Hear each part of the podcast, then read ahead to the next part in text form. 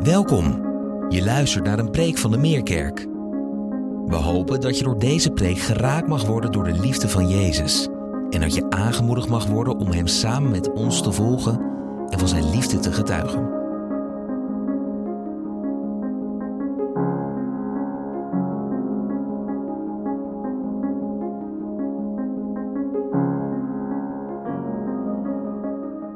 Ik wil nog een ander vers voorlezen uit uh, Gods woord. Dat is uit Psalm 25 en daar staat: Mijn ogen zijn voortdurend gericht op de Heere, want Hij bevrijdt mijn voeten uit het net. Mijn ogen zijn voortdurend gericht op de Heere, want Hij bevrijdt mijn voeten uit het net. Dat is eigenlijk een wonderlijk vers, want als je voeten in een net verstrikt raken, als je vast komt te zitten, als je in een net loopt en je, je, bent, uh, je bent daardoor gebonden geraakt, dan heb je de neiging om naar je voeten te kijken. Je hebt natuurlijk de neiging om dan naar beneden te kijken en te proberen om jezelf los te maken uit dat net. En als het niet lukt, dan heb je de neiging om daaraan te blijven denken. En dat neemt je dan helemaal in beslag. En je doet je uiterste best om jezelf uit dat net te bevrijden. Maar het lukt niet. Het lukt niet om jezelf uit dat net te bevrijden. Maar de neiging is, als je verstrikt raakt, om daarnaar te kijken. Maar er staat hier: Mijn ogen zijn voortdurend gericht op de Here. Dus wat je doet is, je kijkt even niet naar dat net. Je stopt met het kijken naar dat net. En je gaat omhoog kijken. Je kijkt naar de Here. En je, je richt je blik op Hem. Voortdurend houd ik de Heere voor ogen. Dat zegt Petrus ook op, zijn, op de eerste Pinksterdag als hij spreekt voor het volk van Israël. Voortdurend houd ik de Heere voor ogen. En het wonderlijke is, als onze ogen gericht raken op de Heere, dan is Hij het die ons bevrijdt uit het net. Dus er zit een bepaalde paradox zit daarin. Namelijk, wij denken als we verstrikt raken in het net dat we zelf heel hard moeten werken om onszelf uit dat net te bevrijden. Maar dat lukt niet. Maar als we kijken naar de Heer, als we onze ogen op Hem richten, en dat is eigenlijk ook wat geloven is. Geloven is zien op Jezus. Dan is Hij het die je voeten bevrijdt. Hij geeft bevrijding. Heer, ik heb u nodig, hebben we net gezongen. Ik heb u nodig. En dat komt ook hierin tot uitdrukking. Het kan zijn dat je het gevoel hebt dat je voeten in een net verstrikt zijn geraakt vanwege omstandigheden.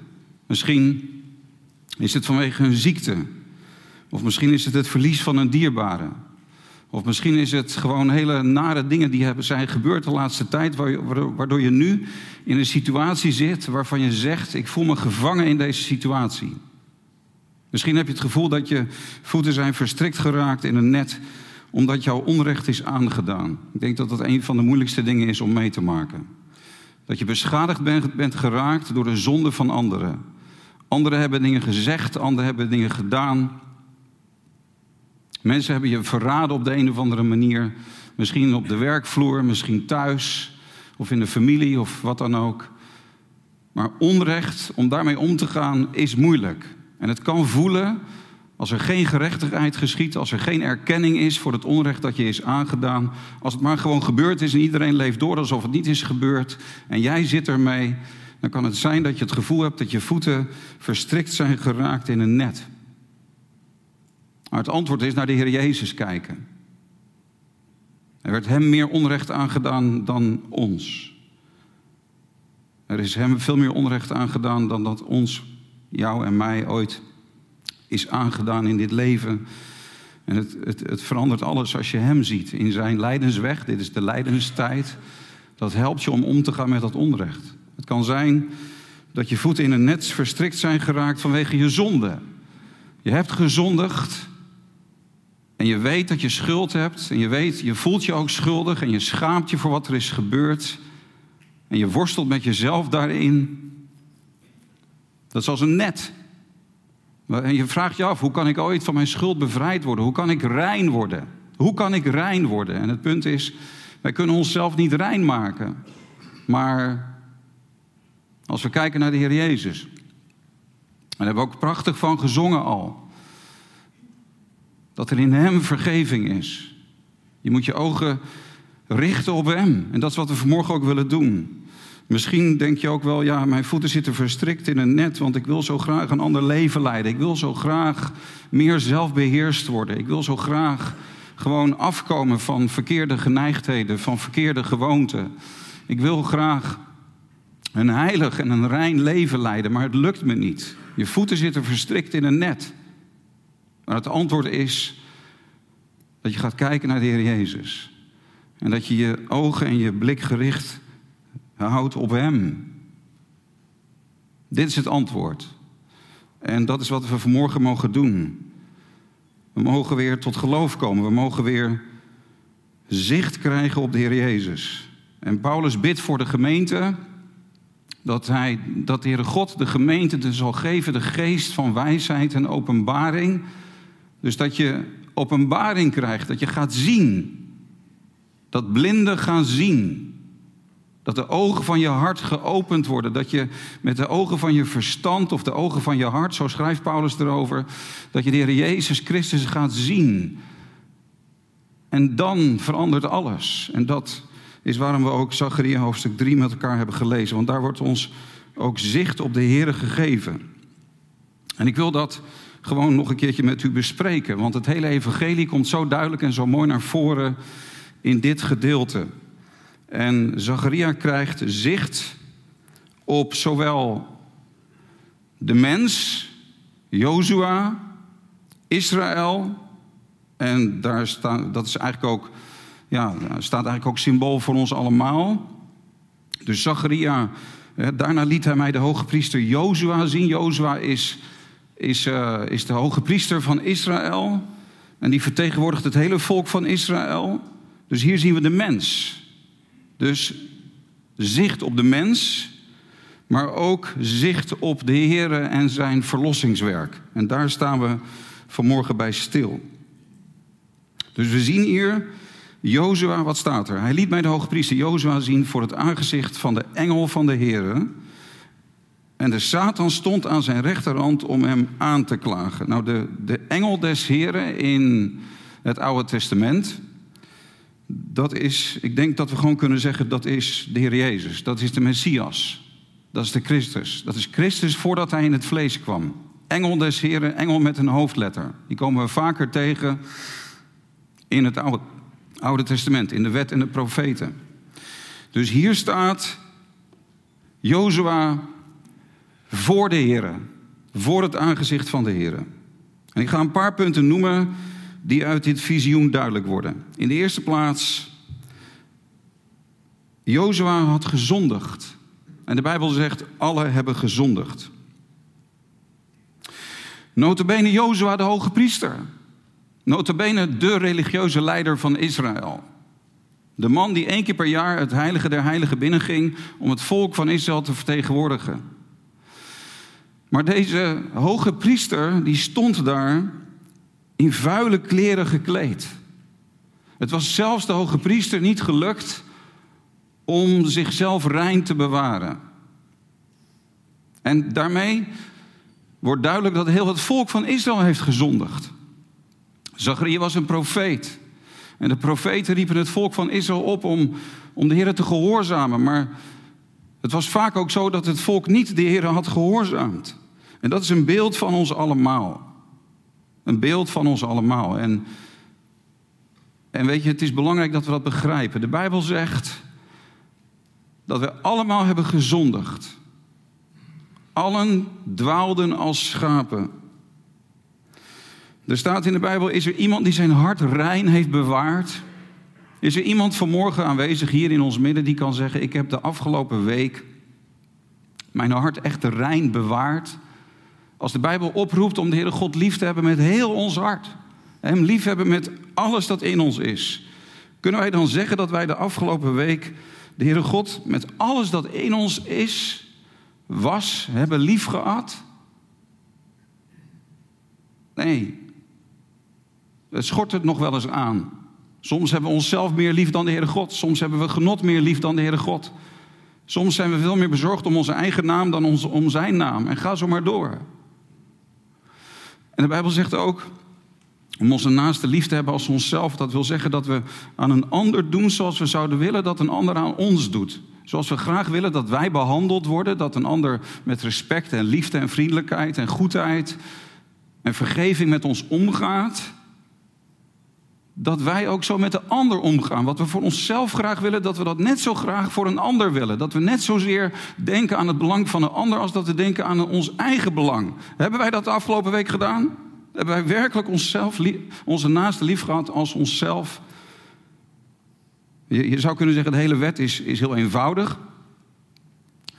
De samenvatting van de wet is uiterst eenvoudig. Dat is liefhebben, God liefhebben en je naaste liefhebben. Maar tegelijkertijd is het eigenlijk een oproep waarvan we dan, als we eerlijk zijn, moeten constateren... ja, dat, dat kan ik niet uit mezelf.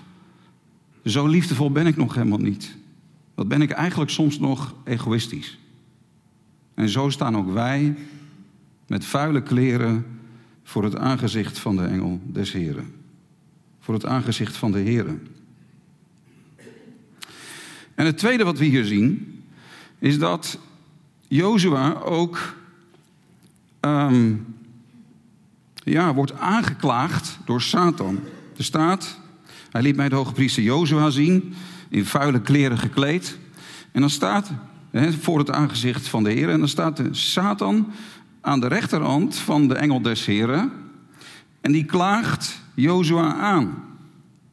Die zegt tegen de Heren, tegen de engel des Heren: U kunt deze man niet zegenen. Ziet u wel hoe hij heeft gezondigd? Ziet u wel in welke vuile kleren hij daar staat? Ziet u wel dat het volk van Israël zo van u is afgedwaald? En het punt is, Satan heeft gelijk. Het is natuurlijk uiterst hypocriet, want er is geen die zo heeft gezondigd en er is geen die zo rebelleert en zo de Heere God onteert en zo tegen hem tekeer gaat als Satan zelf. Hij is zelf de allergrootste zondaar. By far is hij de allergrootste zondaar, maar hij wijst op de zonde van Jozua en hij heeft wel gelijk ten aanzien van de zonde van Jozua. En hij zegt dus eigenlijk tegen de engel des Heren, u moet hem oordelen. U moet hem bestraffen. U moet hem van uw aangezicht verwijderen. Deze man, notabene de hoge priester van Israël, die staat daar helemaal verontreinigd door zijn misdaden, door wat hij heeft gedaan. U kunt zich niet langer aan deze man, u kunt zich niet langer aan Israël verbinden, zegt Satan. En zo klaagt hij Israël, Jozua aan bij de heren. En weet je, de Bijbel zegt dat, nogmaals, dat is ten diepste waar. Er staat in Romeinen hoofdstuk 3 dat alle onder de wet zijn en dat alle mond wordt gestopt. Dus Jozua kon op dat moment niets inbrengen. Er staat trouwens ook helemaal niks in dit gedeelte over wat Jozua zegt.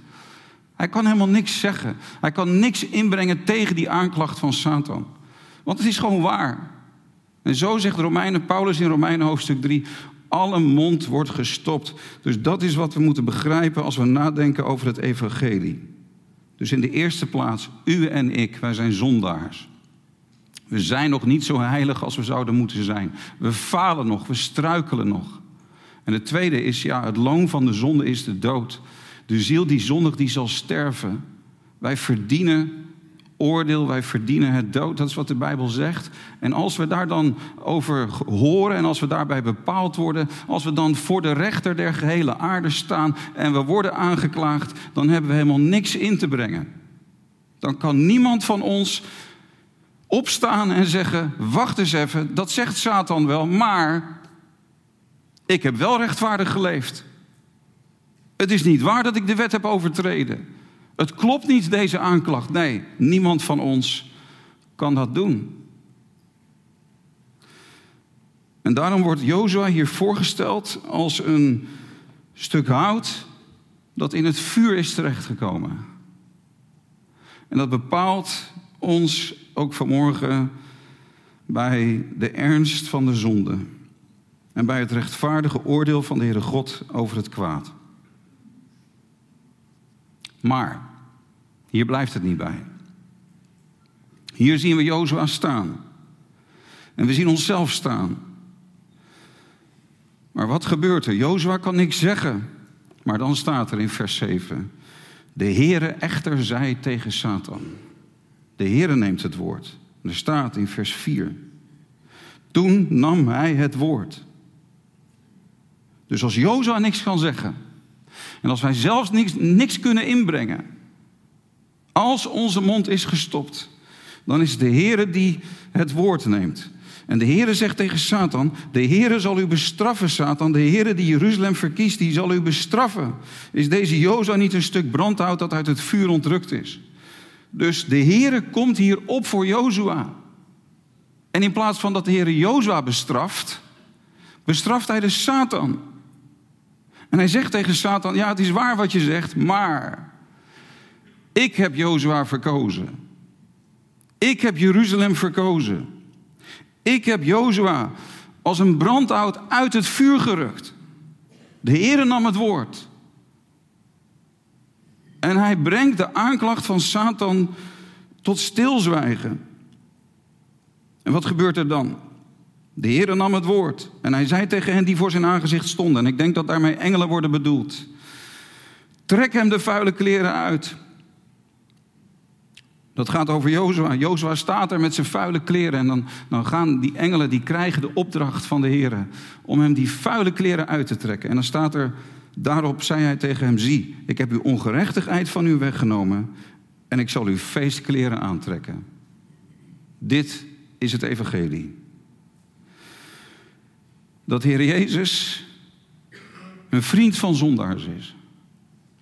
Dat als wij als mensen die vuil zijn geworden, die onrein zijn geworden, als wij dan voor zijn aangezicht staan, en dat kan eigenlijk helemaal niet. Wij kunnen eigenlijk helemaal niet voor zijn aangezicht staan. Daar zouden we eigenlijk helemaal niet kunnen zijn, want we zijn vuil. Maar dan, dan is de Heer die zegt, Trek hem de vuile kleren uit. En hoe is het mogelijk dat, dat Heer dat kan zeggen? Hoe is het mogelijk dat die vuile kleren zomaar van Jozua worden afgenomen? Het antwoord is dat de Heer Jezus naar deze wereld is gekomen om onze vuile kleren aan te trekken. Hij is naar deze wereld gekomen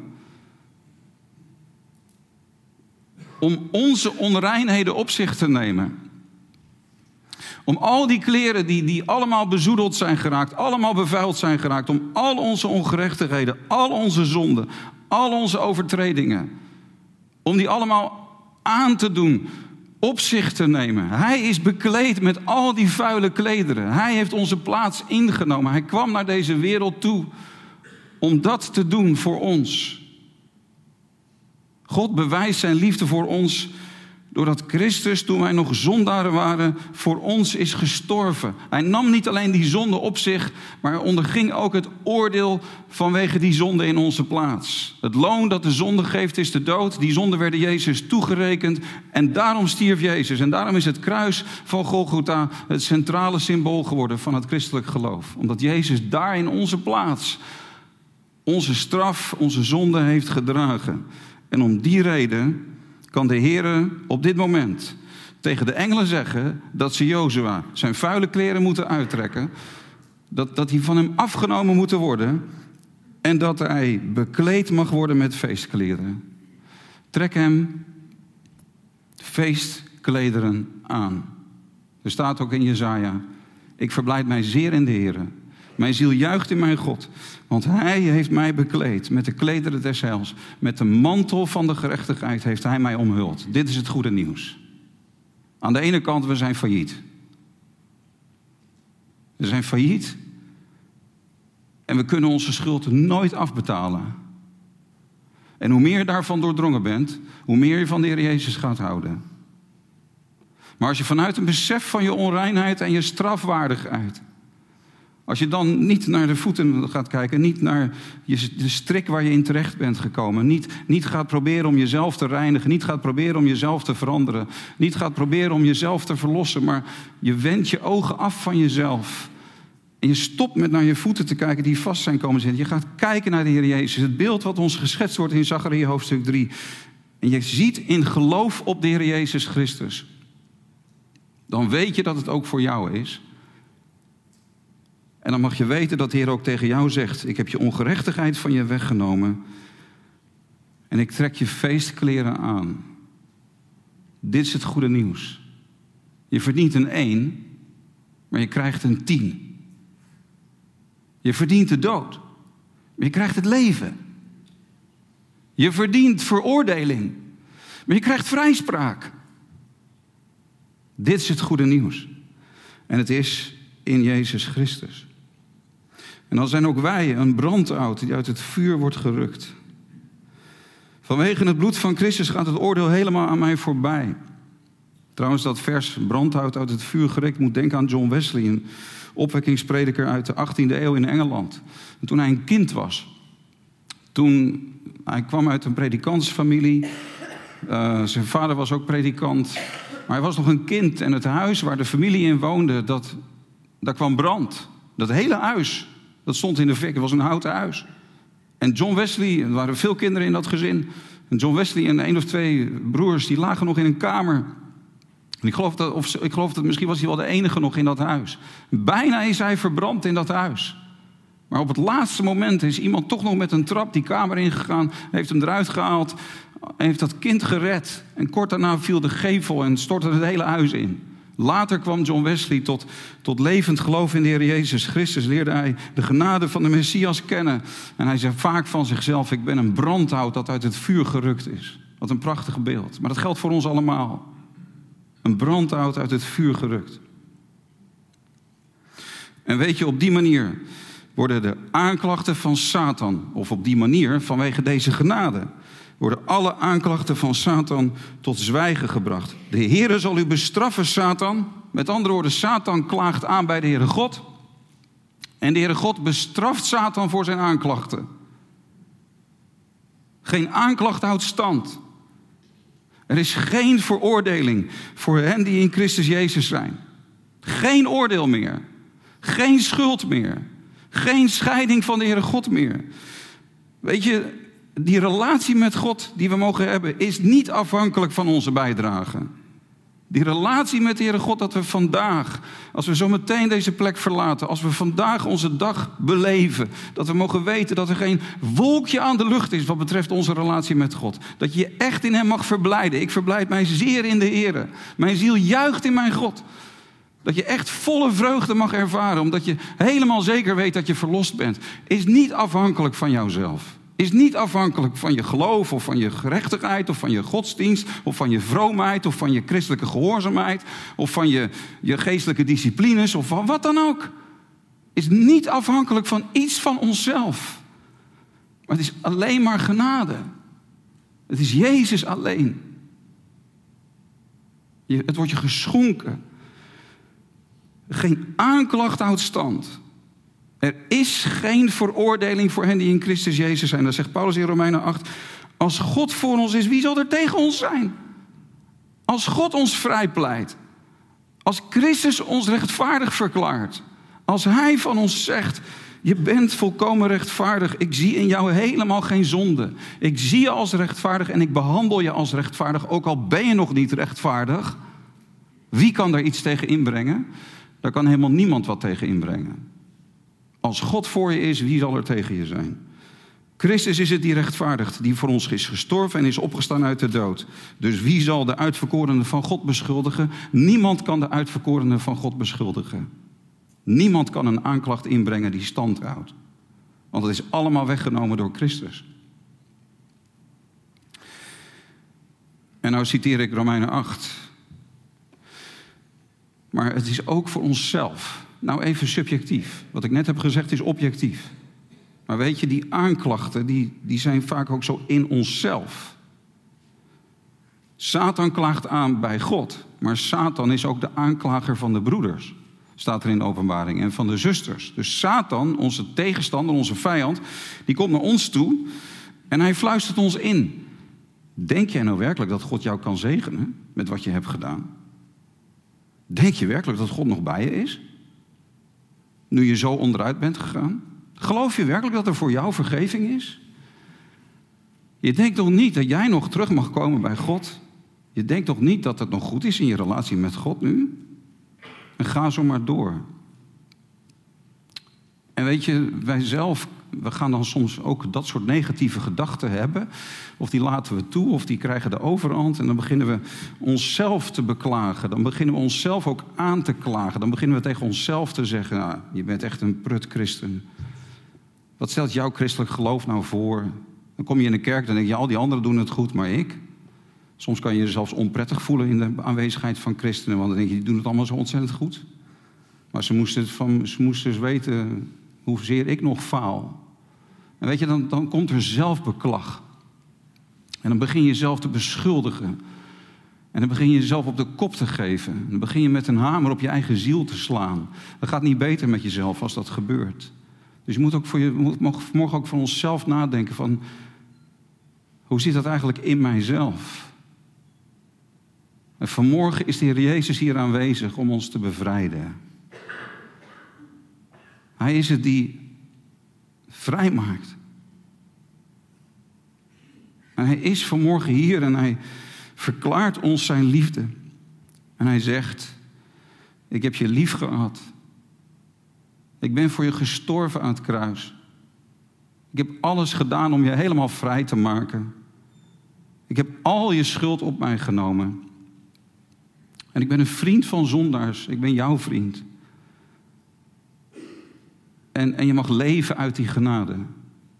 En ik vraag je om al dat gepieker over jezelf. En al die onzekerheid over jezelf. En al die twijfels en al die angst. Om die gewoon los te laten. En om je te verblijden in mij. En hij zegt vanmorgen tegen ons: Ik trek je feestkleren aan.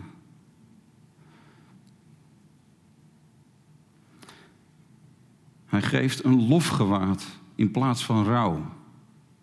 Een gouden kroon in plaats van as. Overwinning in plaats van verdriet. Dit is het goede nieuws. De Heer Jezus komt naar ons toe. En hij verklaart ons zijn liefde. En hij zegt, ik heb je uitverkoren. Ik heb je tot mijn eigendom gemaakt. Ik ben een goed werk in jou begonnen en daar ga ik mee verder. Ik zal je nooit meer loslaten. Ik zal je blijven vergeven. Ik zal je blijven oprichten. En ik zal je blijven vervullen met mijn geest, zodat je een ander leven kunt gaan leiden. En hij laat niet los. Hij gaat verder.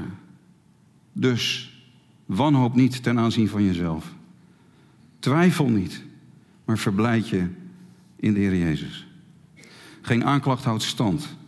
Ook niet in onszelf. Nou, ik wil afsluiten met het getuigenis van Charles Spurgeon. Ik, heb, ik vind dat zo mooi. Ik kwam een boekje tegen over de bekering van Spurgeon. Het boekje heet Mijn Bekering. Charles Spurgeon was ook baptist. Hij was een prediker in de 19e eeuw in Engeland. En hij, um, hij was 15 jaar oud. En hij wist niet dat hij met God verzoend was. Hij was nog niet tot geloof, tot wedergeboorte gekomen. Hij had Christus nog niet leren kennen. Zijn ogen waren nog niet open gegaan voor de Heer Jezus. Hij zat nog naar beneden te kijken. Zijn voeten zaten nog verstrikt in het net. Hij was nog bezig aan te proberen om zichzelf te bevrijden en te verlossen. Maar dan schrijft hij het volgende over wat er met hem gebeurde. En ik ga dit voorlezen. Voorlezen vereist iets meer aandacht van uw kant om erbij te blijven. Want ik spreek meestal vrij zonder dat ik veel voorlees. Maar nu ga ik wel voorlezen, want het is de moeite waard om hier naar te luisteren. En het is zo mooi. En het laat zo duidelijk zien dat ook wij vanmorgen gewoon naar Hem mogen kijken. En bevrijd mogen worden. Luister naar wat hij schrijft. Hij was 15 jaar oud toen hij tot geloof kwam en hij beschrijft het als volgt. Ik denk, dat ik, nog, ik denk soms dat ik nog steeds in duisternis en wanhoop zou verkeren. Als God in zijn genade op een zondagmorgen toen ik naar de dienst ging, geen sneeuwstorm had gezonden. Toen ik niet verder kon vanwege de sneeuwstorm, sloeg ik een zijstraat in en kwam ik bij een klein methodistenkerkje. Er zaten in die kerk misschien zo'n 12 of 15 mensen. Ik had wel over de eenvoudige methodisten gehoord dat ze zo luid zongen dat mensen er hoofdpijn van krijgen. Maar dat interesseerde mij niet. Ik wilde weten hoe ik zalig zou kunnen worden en als zij mij dat konden vertellen, kon het mij niet schelen als ik er hoofdpijn van zou krijgen. De dominee kon die morgen vanwege de sneeuwstorm niet komen. Uiteindelijk stond er een magere man op, een schoenmaker of een kleermaker of zoiets, en klom de preekstoel op om een preek te houden. Het is natuurlijk goed dat predikers goed onderwijs genoten hebben, maar deze man was niet opgeleid. Hij moest zich wel aan zijn tekst houden, gewoon omdat hij niets anders te zeggen had. En de tekst luidde: Zie op mij en word behouden, alle einden der aarde. Hij sprak de woorden zelfs niet goed uit, maar dat deed er allemaal niet toe. Er blonk een straaltje hoop voor mij in die tekst, dacht ik bij mezelf. En de prediker begon als volgt. Dierbare vrienden, dit is wel een heel eenvoudige tekst. Hij zegt, zie. Nou, zien is niet zo moeilijk. Daar hoef je je hand of je voet niet voor op te tillen. Het is alleen maar zie. Iemand hoeft niet naar de universiteit te gaan om te leren zien. Zelfs al bent u de grootste dwaas, dan kunt u nog zien. Iemand hoeft geen duizend gulden per jaar te verdienen om te kunnen zien. Iedereen kan zien, zelfs een klein kind kan zien. Maar dan zegt de tekst: Zie op mij. Ach, zei hij in het platte dialect van Essex. Velen van u zien alleen maar op zichzelf. Maar het heeft geen zin om op uzelf te zien. U zult in uzelf nooit enige troost vinden. Sommigen kijken naar God de Vader. Nee, zie steeds op Hem. Jezus Christus zegt: Zie op mij. Sommigen van u zeggen: Maar we moeten wachten op de werking van de Geest. Maar daar gaat het nu niet over. Zie op Christus. De tekst zegt: Zie op mij. Toen ging de man verder op de volgende wijze met zijn tekst. Zie op mij. Ik zweet de grote druppels bloed. Zie op mij. Ik hang aan het kruis. Zie op mij. Ik ben dood en begraven. Zie op mij. Ik ben weer opgestaan. Zie op mij. Ik zit aan de rechterhand. Ik ben opgevaren naar de Vader. En ik zit aan de rechterhand van de Vader. O arme zondaar, zie op mij, zie op mij. En toen hij dit had gezegd, zijn preek had ongeveer tien minuten geduurd, was hij uitgepraat. Toen keek hij naar mij onder de galerij. En omdat er maar zo weinig mensen waren, zag hij dat ik een vreemdeling was. En terwijl hij zijn ogen op mij richtte, alsof hij wist wat er in mijn hart leefde, zei hij: Jonge man, je ziet er ellendig uit. Dat was ongetwijfeld het geval, maar ik was er niet gewoon aan dat er vanaf de preekstoel opmerkingen werden gemaakt over mijn uiterlijk. Het was echter een harde slag die goed aankwam. En hij vervolgde. En je zult je altijd ellendig voelen. Ellendig in het leven en ellendig in de dood. Als je mijn tekst niet gehoorzaam bent. Maar als je nu gehoorzaamt, dan zul je op ditzelfde moment behouden worden. En toen lichtte hij zijn handen op en riep luidkeels, zoals alleen een eenvoudige methodist dat kon. Jonge man, zie op Jezus Christus. Zie, zie, zie. Je hoeft niets anders te doen dan op Hem te zien en je zult leven. Op datzelfde moment zag ik de weg der zaligheid. Ik weet niet meer wat hij nog meer heeft gezegd en ik besteedde er ook weinig aandacht meer aan, maar ik werd maar door één gedachte bezet. Zoals de mensen op de verhoogde koperen slang keken en genezen werden, zoals het ook met mij. Ik had van alles en nog wat gedaan. Maar toen hoorde ik dat woord. Zie, wat een bekoorlijk woord was dat voor mij. Oh, ik keek de ogen bijna uit mijn hoofd. Daar, op dat moment, trok de wolk weg, werd de duisternis verdreven en zag ik de zon. En ik zou onmiddellijk hebben kunnen opstaan om mee te zingen met de meest enthousiaste van hen over het kostbare bloed van Christus en het eenvoudige geloof dat alleen op Hem ziet. Oh, dat iemand mij dat toch eerder had gezegd. Vertrouw op Christus en u zult behouden worden. Maar ongetwijfeld was dit alles in grote wijsheid bepaald. En nu kan ik zeggen, sinds ik door het geloof de stroom zie die uit uw wonden vloeit, is verlossende liefde mijn thema geweest. En dat zal zo blijven totdat ik sterf. Verlossende liefde is het thema van mijn hart geworden. Redeeming love in het Engels. Redeeming love. Dat is wat er nu de boventoon voert in mijn hart, in mijn denken. Nu weet ik dat geen aanklacht meer stand houdt. Nu weet ik dat ik volkomen gerechtvaardigd ben. Nu weet ik dat het helemaal goed is tussen God en mij. Nu hoef ik nooit meer te twijfelen aan mijn behoudenis. Verlossende liefde is het thema van mijn hart geworden sinds het moment dat ik in geloof op Christus heb gezien. Dit is het goede nieuws. En, en zo mogen wij vanmorgen ons hoofd omhoog heffen.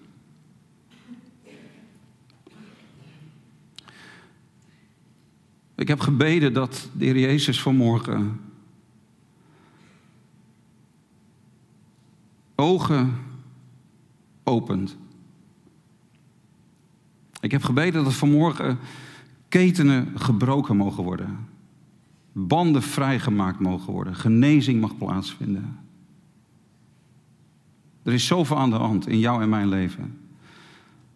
Het is echt niet altijd even makkelijk, nietwaar? Maar er is een verlosser. Er is een vriend. Er is iemand die ons onvoorstelbaar veel lief heeft. Veel meer dan we ooit ons hebben gerealiseerd. En hij heeft een antwoord op je nood. Hij voert jouw voeten uit het net. Wat het ook voor je is. En zo mogen wij vanmorgen zien. Gewoon zien. Daar hoef je niks voor te doen. Je kunt er niks voor doen. Je hoort het evangelie. Je slaat het woord van God open. Je ontmoet Christus in zijn woord. Hij zelf openbaart zich aan jou. En we zien hem vanmorgen. Hoe vriendelijk hij naar ons kijkt. Hoezeer hij over ons glimlacht. En we zien de liefde in zijn ogen als hij voor ons sterft aan het kruis in deze lijdenstijd. Mogen we daarnaar kijken. En dat, het zien van zijn liefde voor ons, voor mij mag je zeggen, voor jou en voor mij. Je mag het heel persoonlijk zeggen, Jezus, dank u wel dat u mij zo heeft liefgehad. En het zicht op deze verlosser en zaligmaker maakt gewoon alles anders. Geprezen zij zijn naam. Laten we samen bidden.